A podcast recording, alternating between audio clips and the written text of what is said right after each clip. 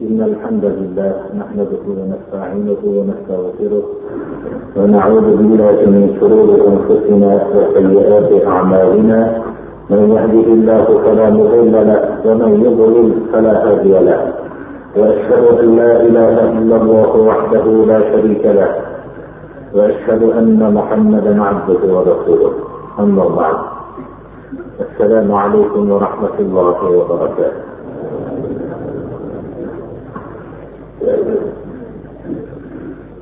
أعوذ بالله من الشيطان الرجيم. وقال الذي اشتراه من مصر بامرأته أكرمي مثواه. عسى أن ينفعنا أو نتخذه ولدا.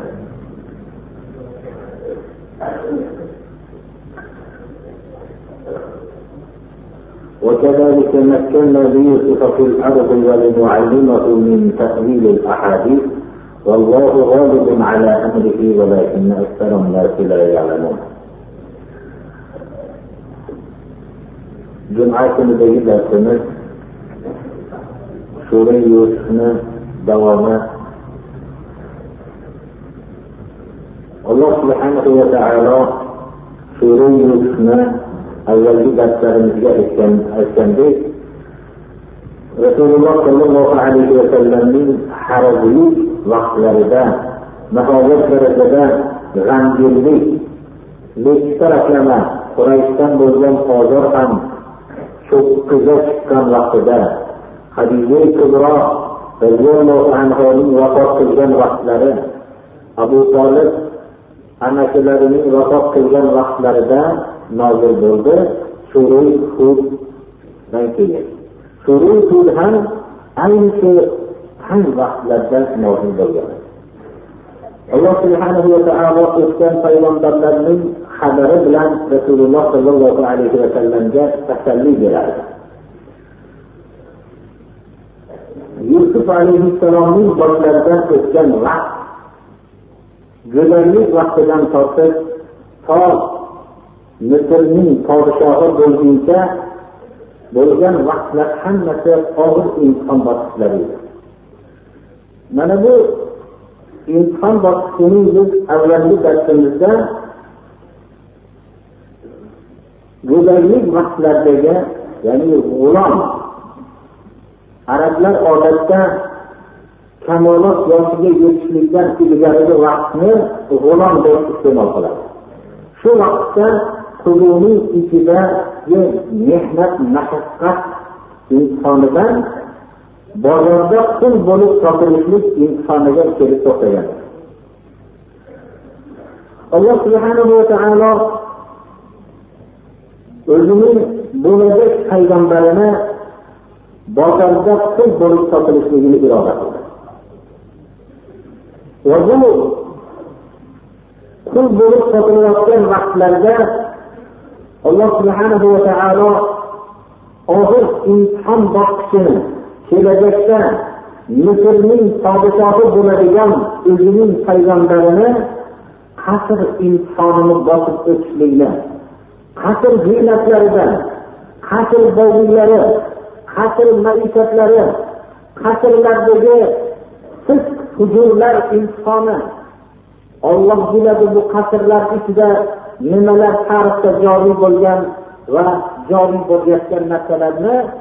Mana bu og'ir imtihonni misrning podshohi bo'ladigan bo'lajak payg'ambari bosib o'tmoqligi kerak edi. Buni ham ziynatlariga nihoyatda qiziqqan maishatga berilgan fisqga darrov taslim bo'ladigan og'ir vaqtda imtihon qilishlik iroda qildi alloh subhanahu va taolo bo'lajak payg'ambarini bozorda qul qilib sotilayotgan vaqtda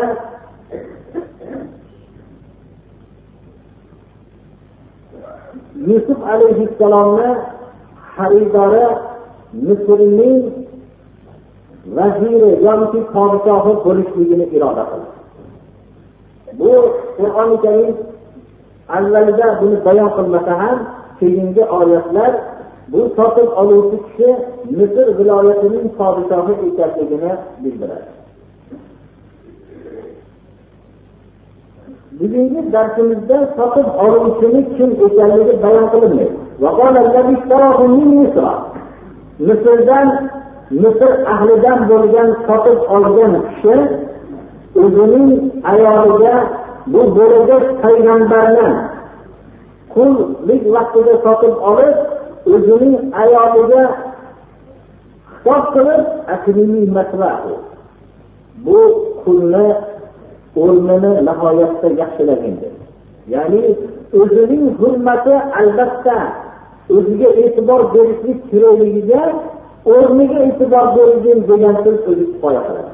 Bir kishini uning yotib turadigan joyga e'tibor berishlik u odamga ancha e'tibor berishlikka bo'lgan kalimaga bu dalolat qiladi yusuf alayhissalomni ko'rganda alloh subhanahu va taolo misr podshohining qalbiga mehr paydo qildi va yaxshilikni umid qildi. shuning uchun mana bu kalimasi shunga dalolat qiladiki shoyat bizga kelajakda foyda bersa yoinki farzand qilib olsak bu kalima farzandsiz yashayotganligiga ham ishora qiladi وكذلك مكنا ليوسف في الارض ولنعلمه من تاويل الاحاديث alloh subhanahu va taolo buni o'zining irodasi bilan qilayotganligini bayon qilib biz yusufni yerda yusufga shunchalik imkoniyat berdik ya'ni misr podshohining qalbiga avval yerda mutamakkin qilishlikdan ilgari misr podshohining qalbiga o'rnatib qo'ydi. Qalbiga mutamakkin qilib mustahkamladi. Agar kimniki alloh subhanahu va taolo biror bir podshohning qalbiga bu odamda yaxshilik bor degan narsani o'rnatgan bo'lsa u kelajakda xalqlar ustida bir rahbariyat paydo bo'lib og'ir bir imtihon sodir bo'lishligiga sabab bo'ladi. Alloh subhanahu va taolo avval misrning podshohini qalbiga yusufni muhabbatini o'rnatib yerda yusufni misr viloyatiga podshoh qildik va kelajakda u kishiga misr podshohligida va xalqlarning rahbariyatida nihoyatda muhtoj bo'ladigan tavilul ahadis mana darsimizda aytib o'tdik yo bu tavilul ahadisdan murod biror bir so'z bo'lsa shu so'zning avvali zikr qilinganda uning kelajagini tushunib olishlik yoinki tushlarni tavili deb aytib o'tdik. Xullas tushlarning tavili bo'lsin xoh bir so'zlarning gapirilishligidan shu kelajak haqida ba'zi fikrlarni alloh subhanahu va taolo yusuf alayhissalomga bildirdi والله غالب على امره ولكن اكثر الناس لا يعلمون alloh subhanahu va taolo o'zining ishini doim g'olib qiluvchi doim ollohning iroda qilgan narsasi bo'ladi Odamlar bir narsani maqsad qilishadi. Olloh yana bir boshqa bir narsani maqsad qiladi. Lekin odamlarning maqsadi bo'lmasdan alloh subhanahu va taolo iroda qilgan narsa bo'laveradi. Lekin bu narsani odamlarning ko'pi bilmaydi. Inson bir narsani zohiri bilan o'lchaydi. Har bir narsani zohiri bilan agar zohiri bir g'amginlik bo'lsa shu bilan g'amga bosib boshiga musibat tushgan deb hisoblaydi. Biror zohiri xursandlik bo'lsa shu narsani xursandlik deb biladi agarki uning kelajagi unga musibat bo'lsa. Zohir ko'rinib turgan musibat bo'lib qo'yilgan narsaning kelajagi bir katta quvonch bo'lsa ham o'ziga musibat deb hisob qilaveradi inson buni o'zini ozgina hayotida har bir kishi o'zining shaxsiy hayotida buning misolini ko'pini biladi. Ko'p musibatli g'amgin bo'lgan narsalari unga xursandlik quvonch bag'ishlagan ko'p xursandlik deb e'tiqod qilgan narsalari uning kelajagida og'ir musibat bo'lgan odamlarning ko'pi bu narsani bilmaydi ko'pi bu narsani bilmaydi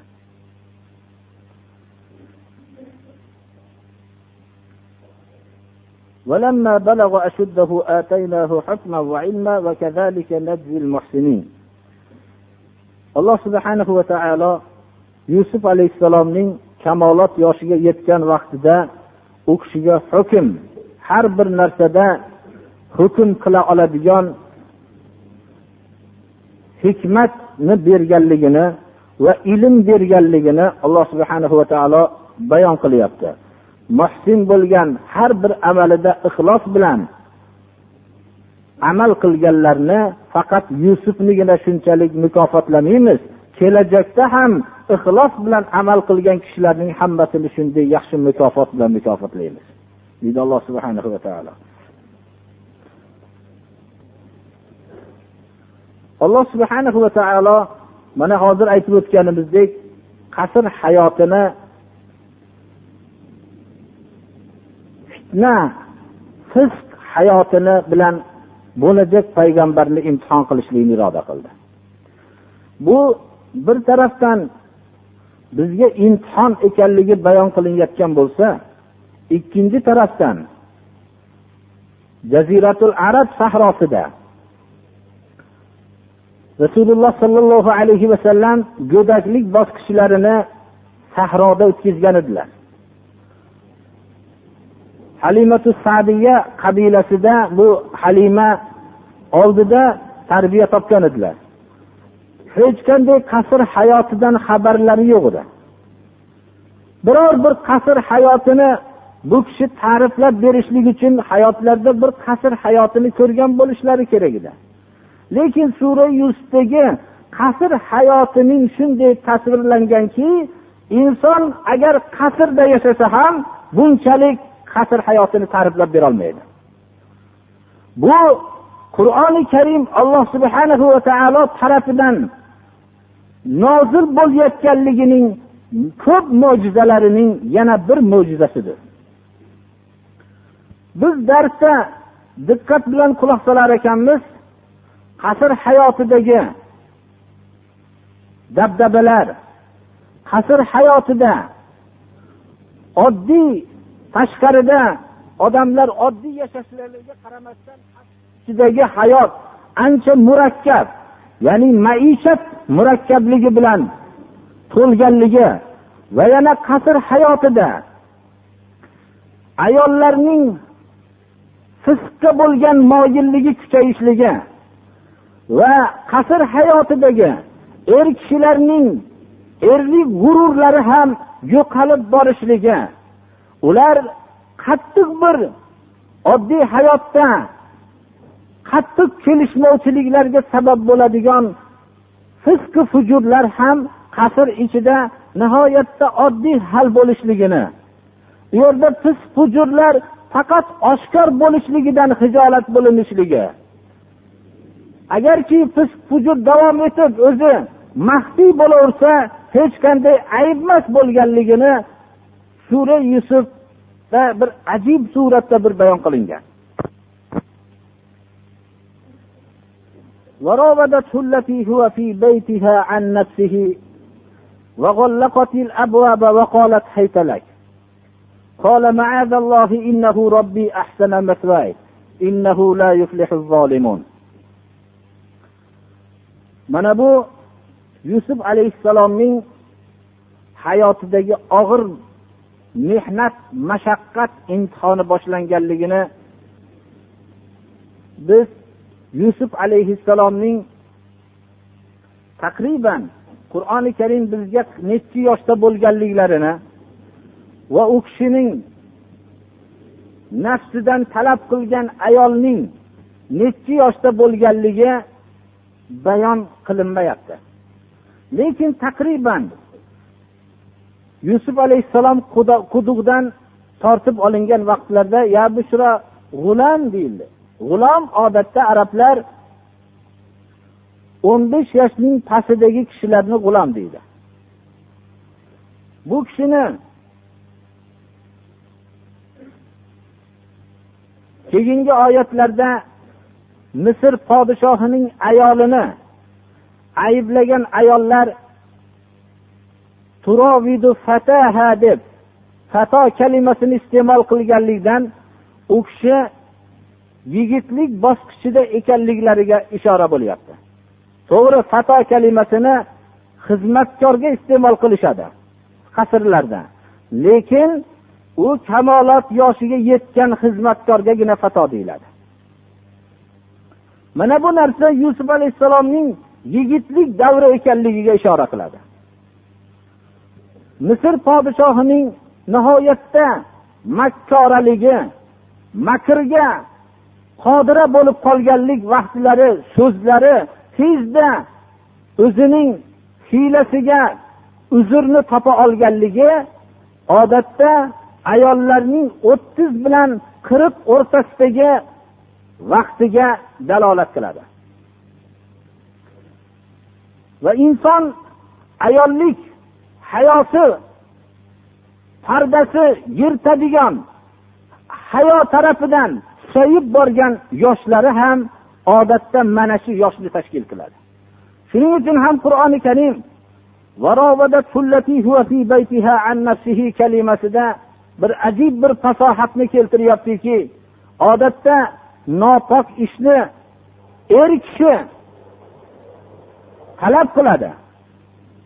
Ammo bu yerda shunday yigitlik davrida ayol kishi tarafidan nopok ishni talab qilinishligi va bo'lib ham buning hamma maishat asboblarining tayyor bo'lgan qasrda bo'lishligi va yana hamma bitta darvoza emas bir necha darvozalarning bir necha darvozalarning ayol tarafidan mahkamlanib nopok ishga taklif qilingan vaqtda yigitlik davrida o'zining bu nopok ishdan tiya olgan insonning nihoyat darajada pokiza ekanligining balki biz u pokizalikni bayon qilish o'rniga alloh subhanahu va taoloning shahodati bilan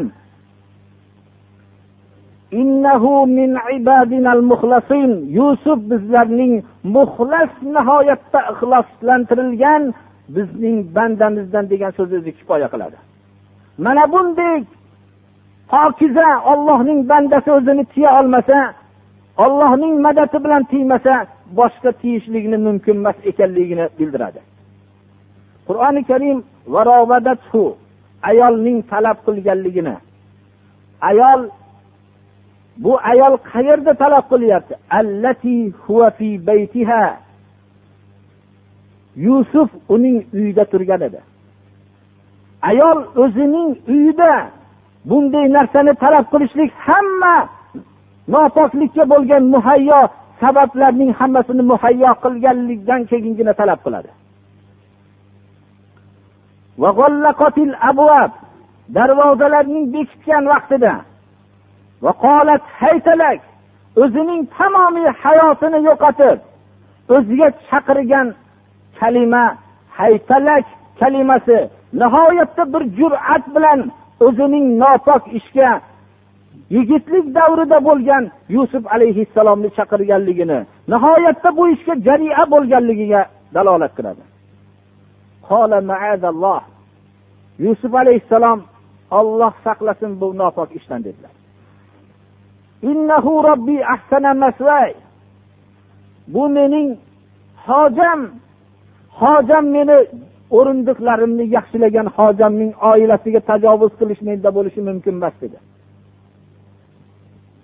Rasululloh sollallohu alayhi vasallam shuning uchun ham aytdilarki gunohi kabiralarning kattasi o'zining hamsoyasining oilasi bilan nopok ish qilish dedilar. Nima uchun? Mutlaqo nopok fohisha gunoh bo'lsa ham o'zining bir umr qo'shnisi bo'lgan bir umr bir biriga muruvvatlari singan shunday qo'shnisining oilasiga tajovuz qilishlikdan ko'ra katta gunoh yo'q dedilar. Mana bu joyda ham mening hojam mening o'rindiqlarimni shunday yaxshilagan tamomiy menga ko'p ikromu hurmatlar ko'rsatgan kishining oilasiga tajovuz qilishlik nopok yo'lga yurishlik menda bo'lishligi mumkin emas dedilar.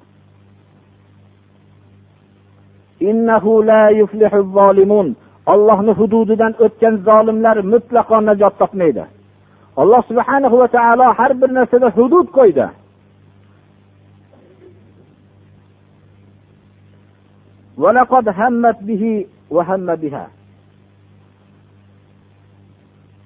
لولا أن رأى برهان ربه كذلك لنصرف عنه السوء والفحشاء إنه من عبادنا المخلصين qur'oni karimning mana bu oyatida ko'p tafsirlarda isroiliyotil yahud bilan bayon qilingan tafsirlar ham yo'qmas birodarlar. Ya'ni hamma kalimasi dilda qasd qilishlik. Qur'oni karimda bayon qilingan bu hamma kalimasi podshohning ayoli yusufni nopok ishni talab qilishlikni qasd qildi. Va hamma biha kalimasida ko'p to'xtalib o'tilgan.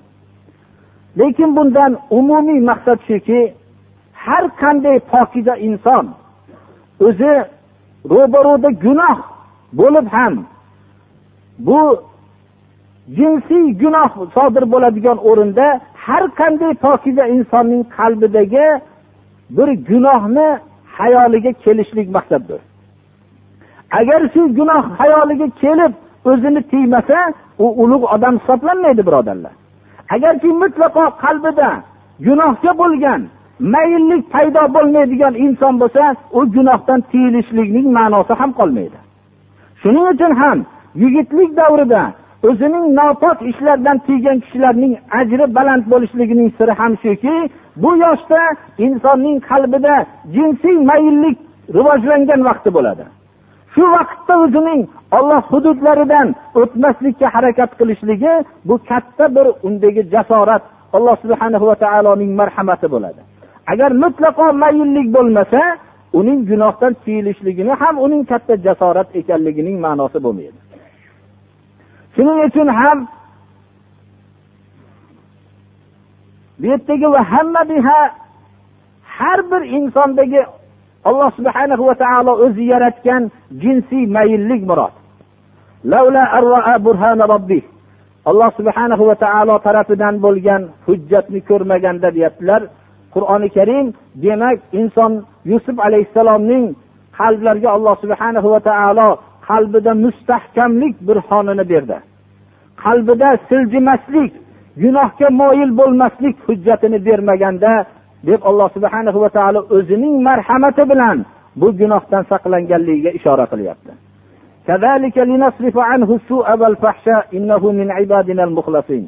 Biz mana bu gunohdan yusufni tiydik deydi alloh subhanahu va taolo.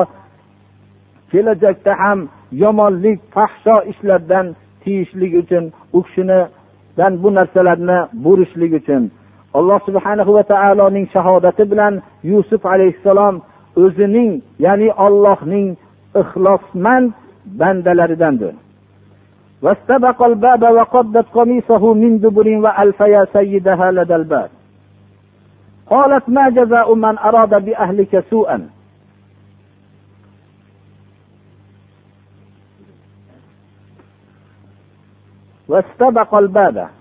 Bu oyat dalolat qilyaptiki yusuf alayhissalomning bu gunohdan qochganliklariga va podshoh ayolining yusuf alayhissalomning orqasidan quvganligiga dalolat qilyapti. Tasniya siyg'asi darvoza tarafiga chopishdi.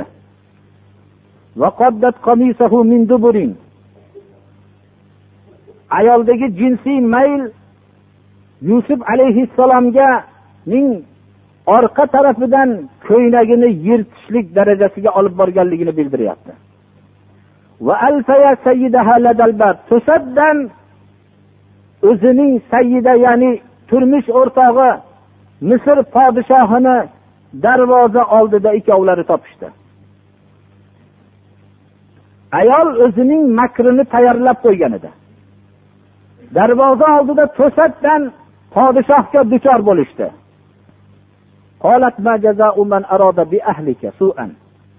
Ayol shu vaqtda o'zining makrini ishlatdi. Siz o'zingizni oilangizga yomonlikni maqsad qilganning jazosi nima dedi? Ya'ni shu vaqtda yusuf sizni oilangizga yomonlik maqsadi bilan qasd qildi buning jazosi nima dedi? Lekin podshoh ayolining qalbidagi ishq podshoh tarafidan biror bir qattiq jazo qo'llanishligidan saqlanishlik tadbirini ham qilib qo'ydi. Yo buni sijin zindonga solish zindonlanishligi yoki bir alamlantiruvchi azob berishlik dedi. Unga qattiq bir jazo berishlik na oldini ham olib qo'ydi.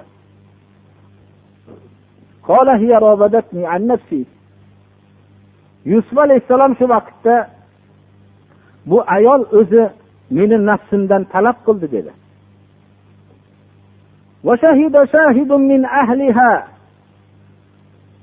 Haq bo'lgan odam ko'p so'z gapirishlikka hojati bo'lmaydi.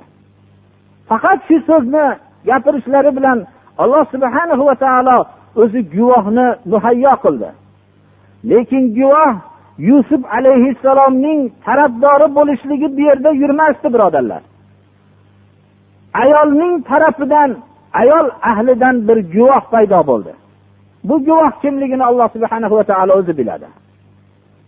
Lekin bu guvohni qur'on bizga bayon qilyaptiki ayolning ahlidan.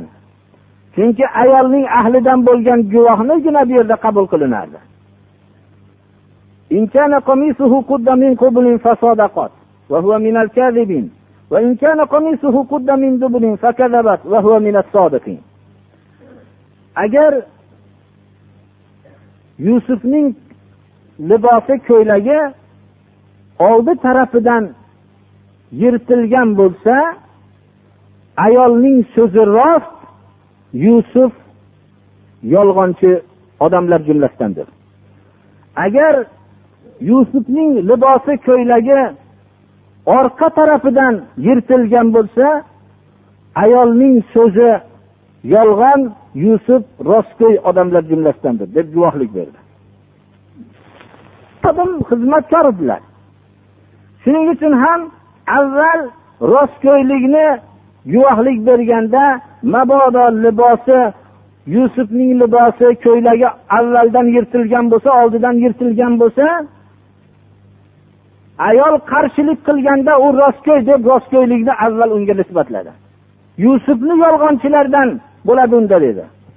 Agar yusufning libosi orqa tarafidan yirtilgan bo'lsa unda podshohning ayoli yolg'on so'zlaganda bu qochayotgan vaqtida bundan bosh tortgan vaqtida yirtilganda unda yusuf rostgo'ylar jumlasidan bo'ladi.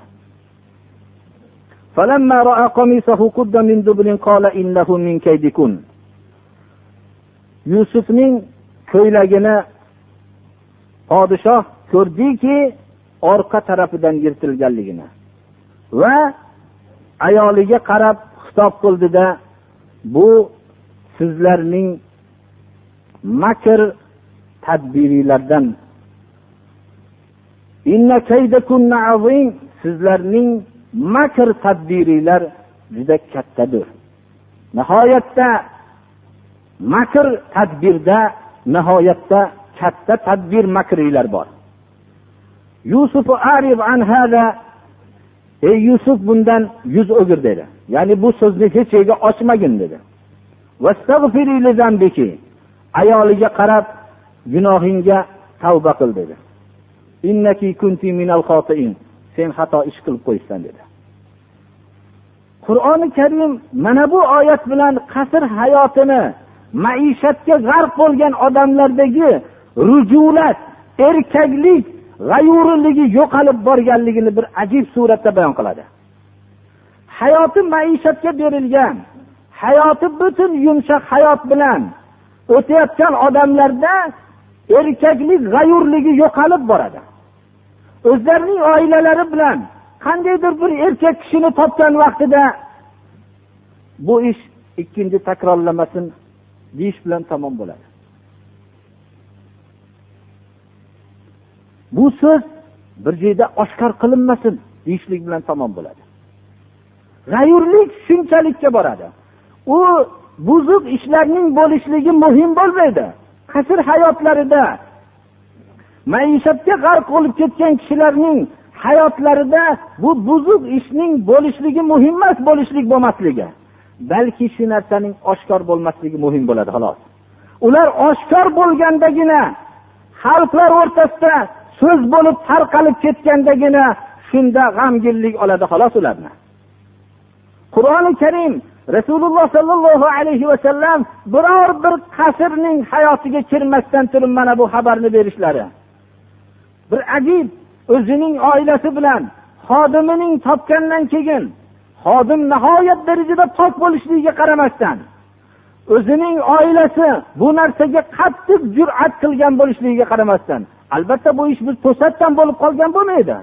Bunga juda uzoq vaqtlardan beri bu ayol o'zining maqsadini shunga tayyorgarlik ko'rib yurgan bo'ladi albatta. Mana bunga sharoitni yaratib berishlik insonning qasr hayotida o'zidagi rujulat erkaklik g'ayurligi yo'qolib borganligiga dalolat qiladi. Birinchidan aslida bu xunuk gap emas. Sizlarning tadbiringlar juda kattada degan so'z bilan tamom bo'ldi. Buni bir joyda yusuf buni ochmagin. Chunki ayoli ochmasligi aniq endi buni. Lekin yusuf sen ochmagin bu narsani. Sen gunohingniga istig'for ayt qaytib qilmagin. Sen xato ish qilib qo'yibsan deyishlik bilan tamom bo'ldi. Qasr hayotlarni bayon qiluvchi voqealarni eshitgan o'qigan kishilar bu narsalarni ko'rib insonning oddiy hayotdagi g'ayurligi yo'qolganligini eshitgan hikoyalar bu narsalar juda ko'pdir birodarlar. Qasr hayotidagi ish shunday bo'lib tugaveradi o'zining oilasi bilan boshqa odamning oshkor buzuq holatda topgan vaqtida ham qasr hayotlarida agar bu ishni qaytib takrorlansa o'rtamizda kelishmovchilik chiqishligi mumkin deyishlik bilan tamom bo'laveradi.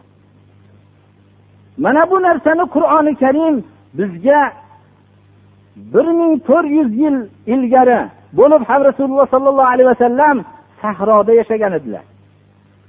U yerda shunday kishilarning orasida yashagan edilarki rasululloh sollallohu alayhi vasallamning sahobalardan bittalari sad ibn uboda. Oldida bir bo'lganda bir kishining oilasi bilan ajnabiy erkakni buzuq holatda topsa nima qilinadi degan vaqtida sad ibn uboda aytdilarki men qilichdan o'tkazaman dedilar. Shunda sahobalar o sadni g'ayurligini qaranglar dedilar. Payg'ambarimiz sollallohu alayhi vasallamga bu xabar keldi. Guvohsizlar dedilar. deganlarida payg'ambarimiz sollallohu alayhi vasallam sadun g'ayurun وأنا أغير منه والله أغير مني ولذلك حرم الفواحش ما ظهر منها وما بطن dedilar sad g'ayur dedilar men undan ham g'ayurman dedilar olloh mendan ham g'ayur shuning uchun o'zining bandalarini o'rtasida fohishalarning bo'lishligini harom qildi dedi olloh rozi bo'lmadi afifa bir pokiza ayolning boshqalar bilan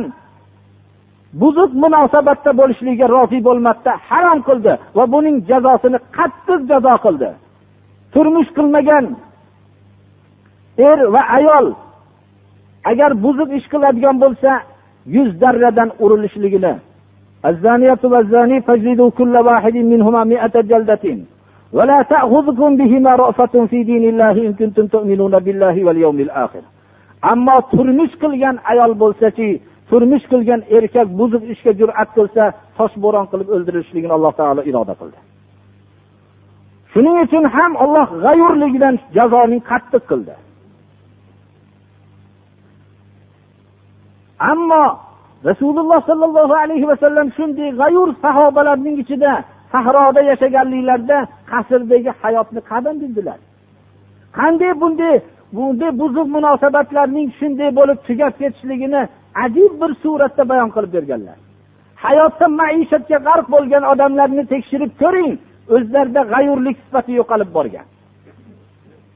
Ularning masalan hammaga oilalari hammaga mahram bo'lib qolaveradi.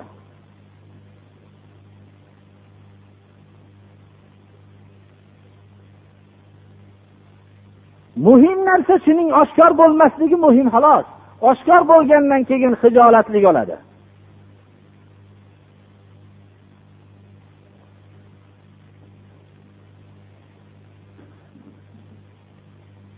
Undan ham tashqari shu bilan masala tamom bo'ldi.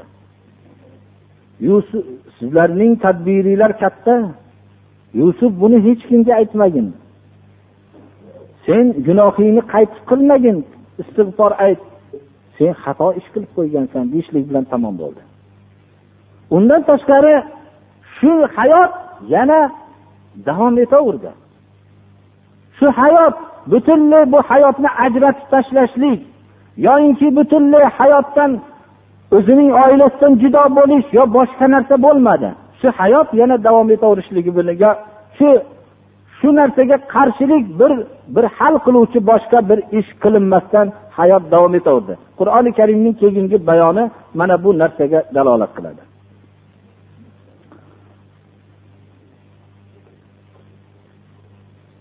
Alloh subhanahu va taoloning mana bu oyatda bizlarga qasr hayotini shunday daqiq suratda bayon qilib berishligi qur'oni karim alloh subhanahu va taolo tarafidan nozil bo'lgan dalillar ichidagi ko'p dalillarning yana bitta dalilidir bu.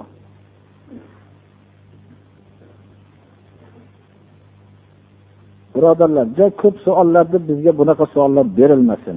Ko'p hammanglardan masalan bir kishi namozni o'qimoqchi bo'lsa uyda ozonni eshitmagan bo'lsa shu ozon aytib o'qiydimi? Bu savollar bo'lmasligi kerak birodarlar. Bu faqat rasululloh sollallohu alayhi vasallamni yo'llari jamoat bilan o'qishlik haqida masala bor xolos birodarlar.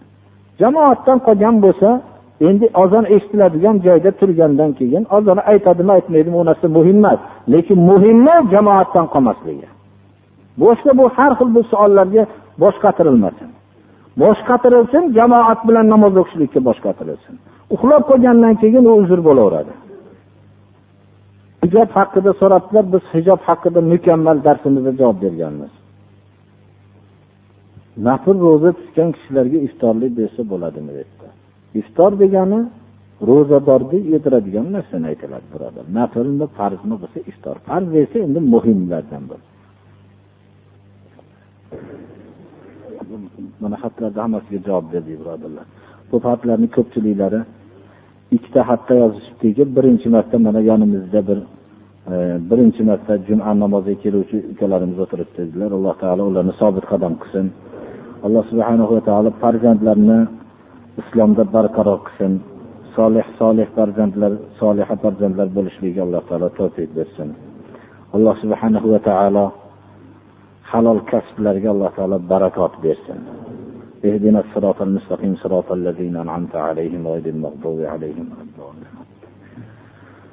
إن الحمد لله نحمده ونستعينه ونستغفره ونعوذ بالله من شرور أنفسنا وسيئات أعمالنا من يهده الله فلا مضل له ومن يضلل فلا هادي له وأشهد أن لا إله إلا الله وحده لا شريك له وأشهد أن محمدا عبده ورسوله أما بعد alloh subhanahu va taolodan taqvo qilishlikka avvalo o'zimni va sizlarni vasiyat qilaman alloh subhanahu va taolodan taqvo qilishlik birinchi tavhidni o'zida mujassamlashtirishlik bilan bo'ladi tavhid bo'lmagan ibodat hammasi marduddir tavhid ibodatga nisbatan xuddi tahorat namozga nisbatan qanday bo'lsa shundaydir. Tahorat bilan bo'lmagan namoz maqbul bo'lmaganga o'xshagan tavhidsiz bo'lgan ibodatlar hammasi maqbul emasdir. Alloh subhanahu va taolo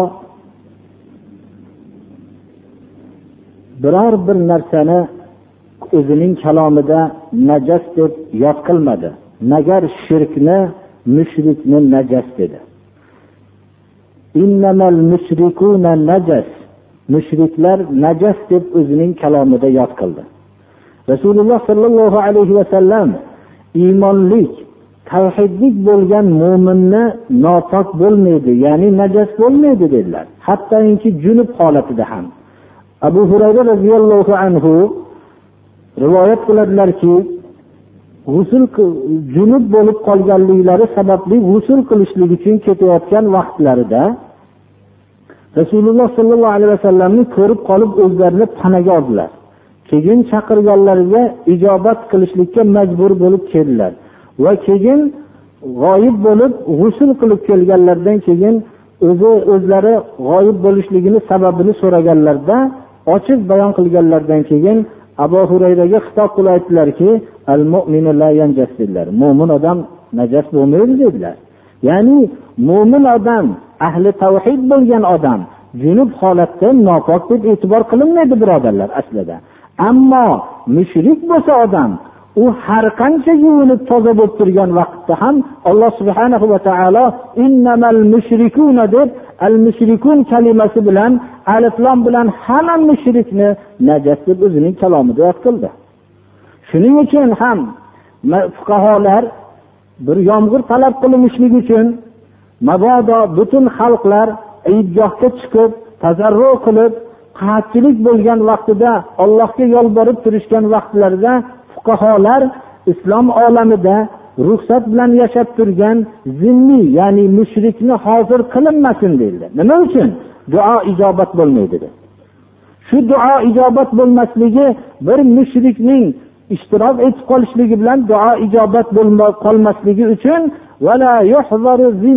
deb fuqarolar shunga fatvo berishdi abdulloh ibn abbos roziyallohu anhudan rivoyat qilinadiki biz shirkning yomonligini shu hadislardan bilib olsak bo'ladi فيقوم على جنازته أربعون رجلا لا يشركون بالله شيئا إلا أدخله الله الجنة imom muslim rivoyat qilganlar agar bir musulmon kishi vafot qilgan bo'lsa ho muslima ayol vafot qilgan bo'lsa uning janozasida qirq kishi ishtirok etgan bo'lsa lekin mutlaq qirq kishi emas. Ollohga hech bir narsani sharik qilmagan qirq kishi janozasida ishtirok etib janoza namozini o'qishgan bo'lsa alloh subhana va taolo mayit haqidagi istig'forlarni qabul qilib jannatga dohil qiladi dedi. Shunda ham mushrikning hozir bo'lmasligini shart qilinyapti birodarlar. Mana bu shirkning biz yomon ekanligini bizning hayotimizda ham o'tib ketgan vaqtimizda tobutimizga tobutimizni janozasi vaqtida ham zarar yetkazishligini mana bu narsadan bilib olsak bo'ladi. Shuning uchun alloh subhana va taolo shirkni kechirmaydi.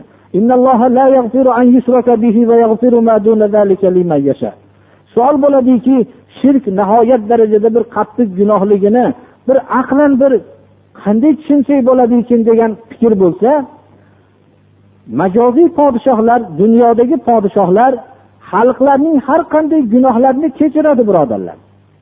Agar xohlashsa kechiradi. Ammo o'zining kursisiga sharik bo'laman degan odamni kechirmaydi. Uning jazosini eng ibratli qilib qattiq jazo beradi. Bu yoqda turgan odam aytadiki bu axir bu nima qildi? Faqat shu o'zi ham shu kursisini olaman dedi xolos demaydi bir odam. Boshqa odamlar shunday desa ham u podshoh dunyo podshohi uning har qanday xatosini nechta odamlarni qatl qilgan bo'lsa kechirishligi mumkin ammo kursisini olaman deb uni o'ldirib emas kursisiga sharik bo'lib men ham unga o'xshagan insonman deb kursisini olaman degan odamni podshohlar hech qachon kechirmaydi. Qaqshab fit zarba beradi. Nima uchun? U o'ziga sharik qilyapti meni deb qattiq jazo beradi. Dunyo podshohi kim o'zi? U ham inson. Undan ortiq narsa emas. Insondagi hamma xususiyatlar bor. Ammo alloh subhana va taoloning shariki yo'q.